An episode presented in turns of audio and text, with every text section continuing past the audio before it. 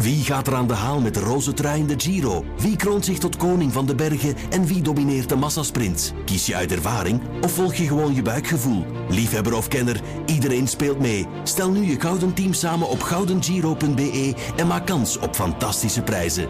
De Gouden Giro, een spel van het laatste nieuws. I've made transformational change a couple of times in my career, and the only thing I almost thought every time was was the decision huge enough? Did I really make a huge decision, or did I try to compensate?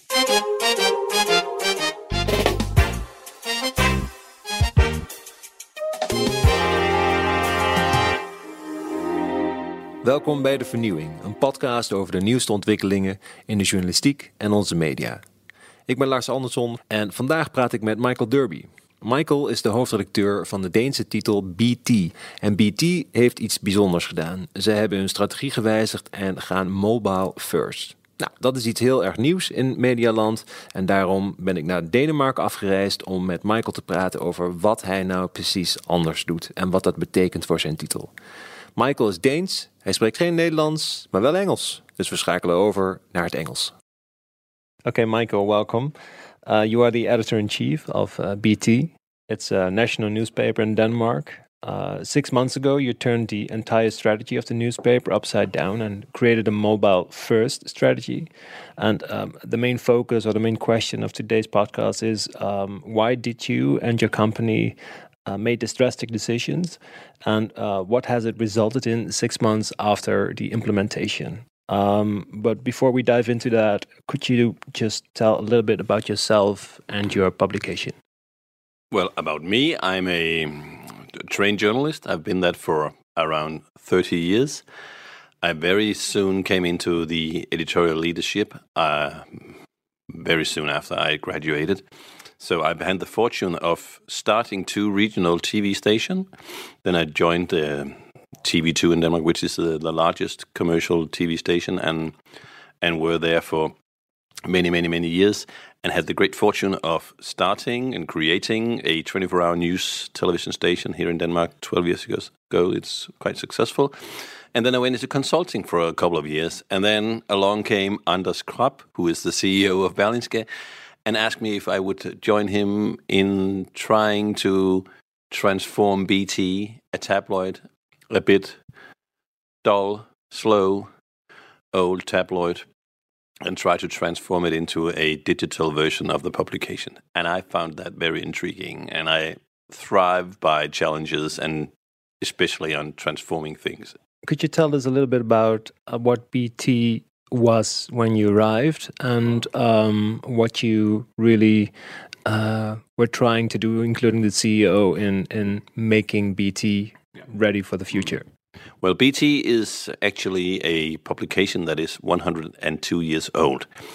It was invented by a very young reporter. He was only 24 years old when he came up with this idea of having a newspaper that wrote about what people actually talked about, using great photos, um, light publication technology created this publication and it was highly successful for many many many many years but suddenly in in the late 90s everything started to change in Denmark. And from now then on, the uh, the BT, which is a tabloid newspaper, started to descend. It decreased every year, around 10 to 15 percent a year in circulation and in revenue turnover. And along the way, they started to make a, a, a website as well, bt.dk, which, uh, compared to what they actually had of resources, did quite well. But if you looked at the newspaper, it's actually merged with another free newspaper, which was called MX Express two and a half years ago. So it was what they said is two dying patients that we are going to put in the same hospital bed, and we hope that they together can find some light and heal each other, which was some of the owners actually explained it. But if you took the, the, the newspaper Metro and BT and just looked the numbers and then just made your calculation five years ahead, you would see that it was actually a, a falling giant.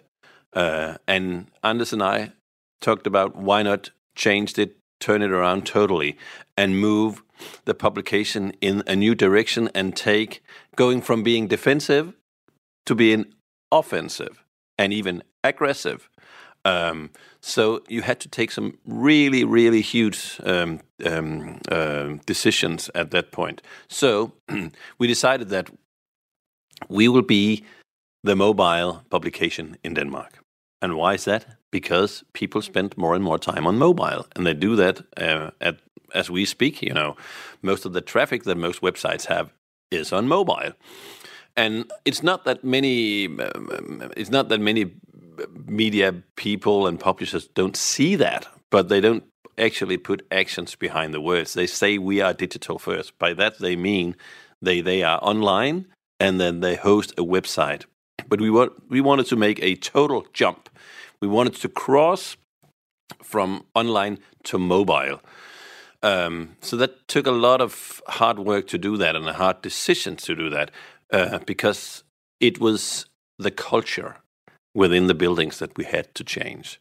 And along that, you know, within BT, there was a BT club, there was a BT shop, and you had subscriptions. There were, I think we had 12,000 subscribers to BT online, and they probably loved that. But from coming from outside, I was constantly asking, what is the difference from an article behind a paywall and the free ones. And nobody could explain it to me. But I could see that all people at BT at that time spent an awful amount of time discussing what is going to be in the paywall and what is going to be free and what are we going to put on the newspaper. So they were spending all their efforts, the best stories, uh, and all their thinking and all their editorial skills on all the falling parts of the business. And nobody actually really looked and nurtured the growing part. So I wanted to put us in a position and create our own battlefield and create the place where we were able to win and have some success. You mentioned uh, that you had to make a couple of hard decisions. Mm. What what what do you have examples uh, of the hard yeah. decisions? Mm. Well, first of all, you, we had to meet uh, what is the turnover, what is the profit, and how is what is the costs and they, that was not in balance. So we had to decide what how much money do we have to make to keep this digital uh, program rolling. So we had to lay off a lot of people. That was the first this decision was very hard. Thirty people, twenty nine people actually uh, were laid off or took a voluntary leave, and and we are now around seventy five journalists with intern included. As that's all, and there are only journalists here. They all work with uh, pub the publication, uh, the, the mobile first uh, publication. I'm probably the only one that's not writing every day. Everybody else is. So that's a hard decision. 29 people left BT. Second, uh, we moved, we, we closed producing the newspaper in the house totally. And all the people that was working on creating pages, creating the front page. We outsourced that to a company outside the building. So the newspaper is, is not actually built and formed in within BT. There are four people in total. There are two on a shift uh, who are the editorial heads of the newspaper. So that was the second uh, decision. And then it was a huge decision to make us focus entirely on the mobile and just you know and and the impact is huge because as I told you in the beginning, it's this it's a house with a 102 year history of newspaper. So even though I said we're going to be mobile, they also yeah, well, right, good luck with you. We're still writing for the newspaper. So I had to really you know uh, walk the talk and talk the walk to everyone um, and I even had to, you know, take it into consideration when I had to decide who's going to stay and who's going to leave. And I need to let some go that was really focused on newspaper, not because they were a bad journalist, just because they didn't have the right attitude. So, and then came along, of course, is it viable commercially? Could we build it in such a hurry. We only had three months to build the entire platform to get a totally new design, a totally new workflow, um, a lot more video, a lot more photo than we had before.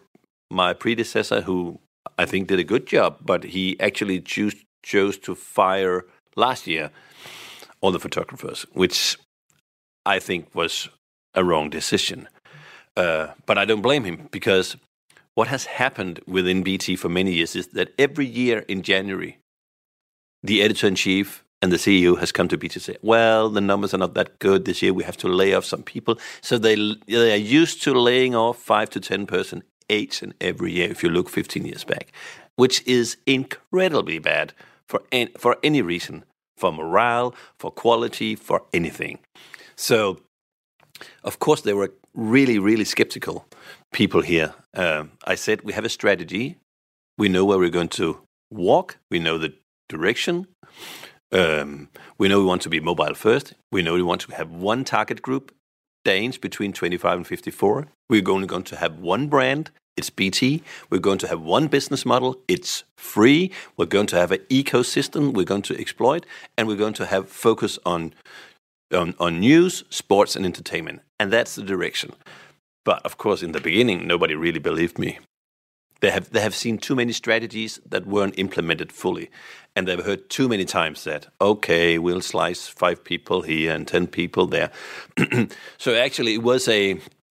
It was an editorial group and it was a a a publication and a media company that was really with a lack of self confidence and and very skeptical actually in the beginning.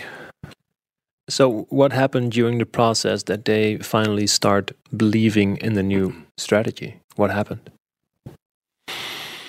Um, I think that we actually uh, did what we said, and we meant what we said, and it was consistent. So we closed down a lot of things that weren't profitable and didn't make sense. We focused on the mobile each and every day. We have an evalu evaluation. My uh, co-editor Jonas and me have an evaluation of last day, yesterday's production, and we are only focusing on the mobile. we talk on the mobile all the time. We made a hierarchy where the mobile is at the top, and then comes desktop, and then comes the newspapers. Um, so we were very consistent.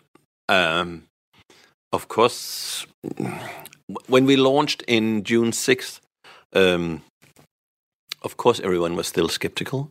There's a lot of critique about how it looked. But what was very, very good on the new platform was that it was fast. We put all our focus on having a very, very low load time. I think it's one of the fastest mobile sites in Denmark now. It's very, very fast. And we really put a lot of pressure and a lot of effort in making it very fast.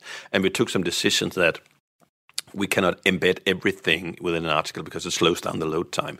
So, what I really pointed out, there are actually two things that is very important for us. The one thing is breaking news. We are a news site, so you have to be very, very fast on breaking news. It's down to the minute. So we had to increase speed. And then, secondly, we need to have our own stories. We need to show people that we are a publication that you can go and you can find stories that is um, investigative stories, um, that you do stories that's about hypocrisy, about uh, uh, bureaucracy, about corruption, about anything, you know, great stories that will run for several days. So those are the two most important things. And then, of course, sports. Sports. Eh, BT used to be. It's used to brand itself as Denmark's sports newspaper, but I just just a year ago there were 20 people in the sports department, and now they are 10, and I've only fired three of them. So it's a really, you know, it's very difficult for them to maintain the image and the brand of being Denmark's sports newspaper. They're, they're really struggling. But I think we have found a way that we can actually compete now. Uh, you mentioned um, breaking news, investigative reporting, sports, uh, speed. Those are, to me at least, pretty uh, old-fashioned uh, journalistic values. So my question would be, um, what is what is what is the main difference in working for mobile first? How does it look like? What what what is the difference in how you write an article, for example? And that is a very good question, and the same question that I ask myself and some of my colleagues and some of the employees in May. We'll start talking about: Is there any difference from writing an article to a newspaper than you have to write it for a for online media or for mobile? And we looked around and we didn't find that many good answers. So actually, I put two of the young guys in a room and said, find out how do we write a story?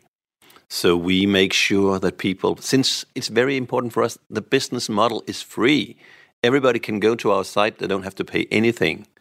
Just read the stories, move around on the website, do anything, you don't have to pay a penny. Uh, but as you know, and I know, nothing in the world is free, so someone has to pay for it, and it has to be the advertisers. So, as much as it is important that we do a lot of page views and a lot of visitors, it is increasingly important that we have a high turnover and we make profit, and that the ads actually is seen by the end user.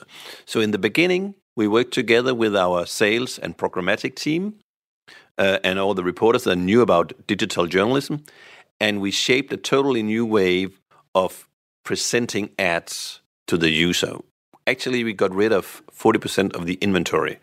We present fewer ads today than we did before, but we increased the profit because it was much more intelligently uh, placed within the article. And we took the article and said, how can we make people read the story and bring them down to ad number three?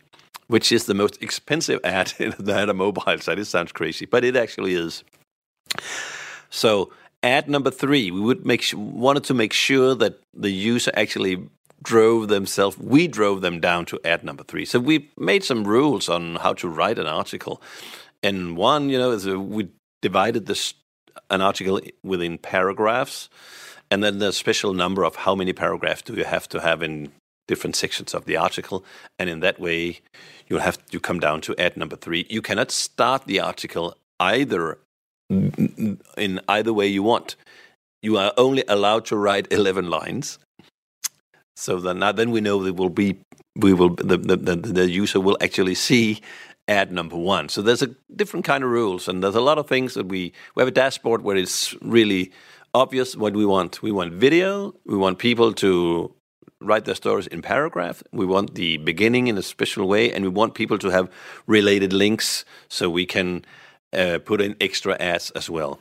Do we write it differently? Yes, I think a mobile story, and I have to tell you the truth, we are not we're not finished in trying to find out what to do. But I think what we say is on a mobile, there's not that much time.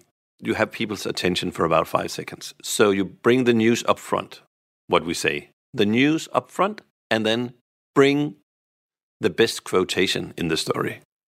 So we're not going to write a story, you know, by using the uh, a, a formula where you have to point of no return and conflict and uh, and then the punchline. No, it's the news in the beginning, first paragraph, second paragraph, the best quotation or ever, and then we think people will move along. The next thing I think we're going to try to develop is how do we write stories so when you reach an ad, you are really intrigued and teased to read past the ad because let's face it, nobody, everybody hates the the ads, you know. So we have to find a way to write stories so when you end it before an ad, you really want to read it further. So of course there is a difference in in photos as well. Uh, took some time for us to find out. I'm, I used to be a, a television guy, as I told you, so I know the importance of photos. So I talk a lot about our freelance photographers that I want I want really portraits of people who are in the story, and it's not big shoots. You do, you don't do that. You have to really have to in your face just to say it, and and that's difficult because they used to make very artistic, really good photos for a newspaper but it doesn't work on a mobile. So we have to train them, and I don't think we're quite achieved that yet, but we are moving in like that. Same thing about video. you cannot make a, a video piece like you do on a news program. You have to have the best photos up front, and you have to make it short, and you have to add text on every video, and you need a lot of videos that is um, that has the what I would call visual proof. You have to see it by yourself um, to increase um, to make people actually watch the video. One last question about um, the challenges that you had upfront. What, what, in your opinion, was the biggest challenge to the editorial team, and how did you handle it? Well, I think uh, it was to make them believe in me and believe in the strategy and believe that it was a winning plan and to make them move in the same direction with me and to believe that it is that what we think is it's possible to make a media company profitable focusing on mobile which is and make it free. As everything we do at BT more or less is moving in the opposite direction that at any other media company in Denmark.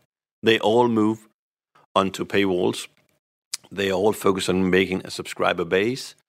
Um, so they put even more stories behind the paywall. We move in the total different direction. Everything is free.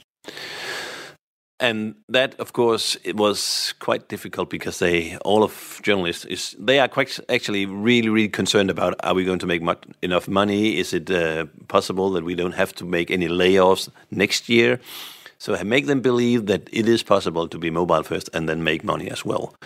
Um, it's so far it's good, but I don't know either if it's a profitable business five years from now. Nobody knows. But I can tell you, we're not going to fire anyone next year. We're going to make money next year.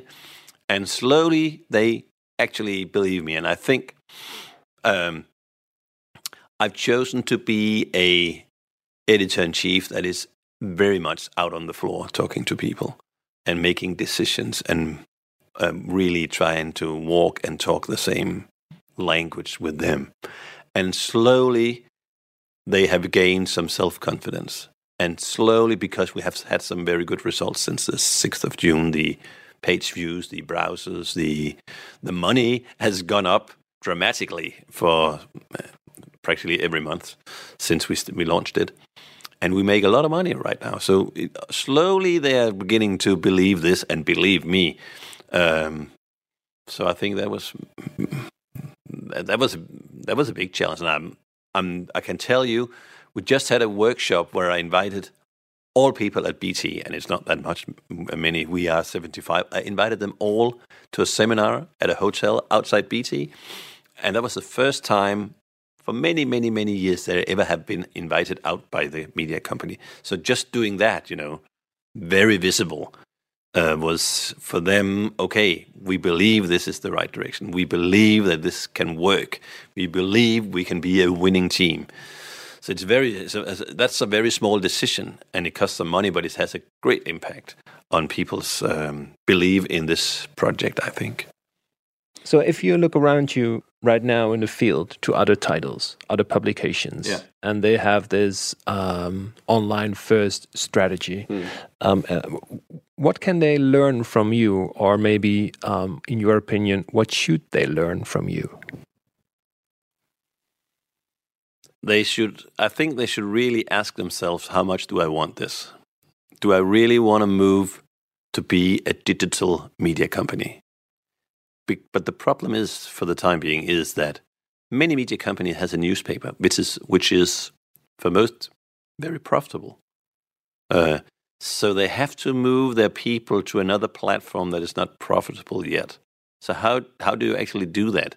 How do you take people from the publication that gives you money and move them to a publication where all the users are? So all the future customers and clients are over there on the internet, and most importantly, on the mobile phone. So it's a huge dramatic transformation and it's a huge shift. So I, th- I really think that people should eh, look into for how long is it possible to have profit in the newspaper, a printed publication? How long? How what is actually the value of your print publication that will make people pay for it in the long run. And if you find out it's very difficult, I don't think you should hesitate to make a very big decision.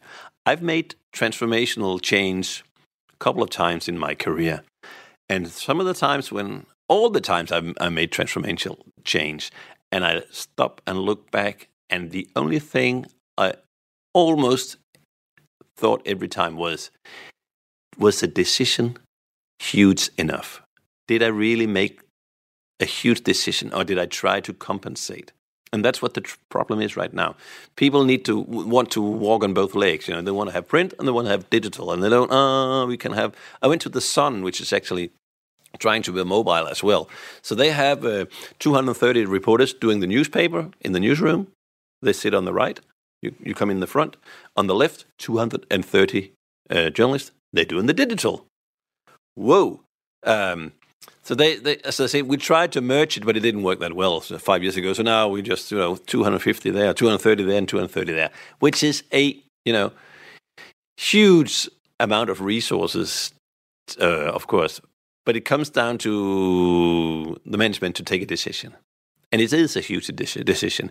The decision was not that huge at BT because it was a, it was a print newspaper going down so to speak. So, uh, what was there to lose actually? But you, even though you had to make that decision and make it a, a huge decision, and I think that's what we did. Very, very simple, but a huge decision.